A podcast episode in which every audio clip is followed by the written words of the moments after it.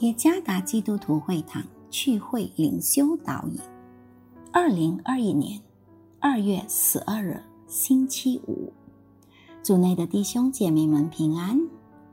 今天的灵修导引，我们将会借着圣经《生命记》第十章十七到十九节来思想今天的主题：怜爱寄居的。作者古发起牧师。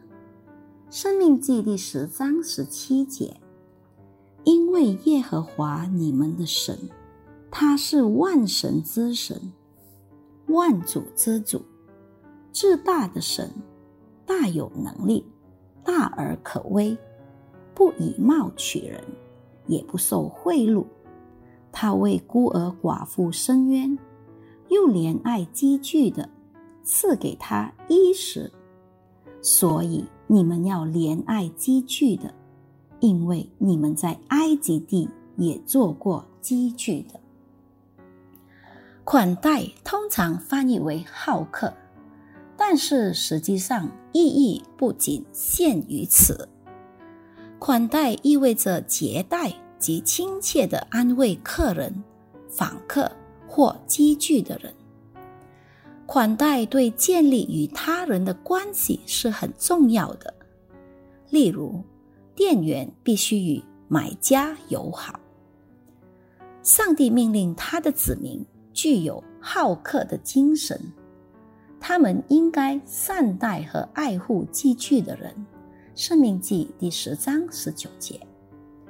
寄居的人与他们不同，为什么下达这个命令？至少有两个原因。首先，因为神是不以貌取人的神，第十七节，他爱他创造的所有人类。其次，上帝向世人表明了他怜爱寄居的，十八节，他也关心他们的生活。参看马太福音第五章四十五节。第三，因为过去的以色列人在埃及也是寄居的，他们必须置身于像以前一样遭受寄居人的折磨。我们如何对待与我们不同的人？我们对他们怀有敌意吗？我们是疏远而又不愿意与他们相交吗？如果我们与他们保持距离，他们如何听到和感受到我们的见证？如果我们充满敌意，上帝的爱怎么能触及他们？的确，我们不应牺牲自己的身份，在交友上损及我们的信仰。但是，我们也不应。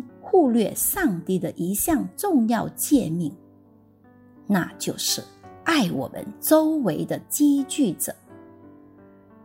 爱寄居的人很重要，不要忽略那个呼召哦。愿上帝赐福于大家。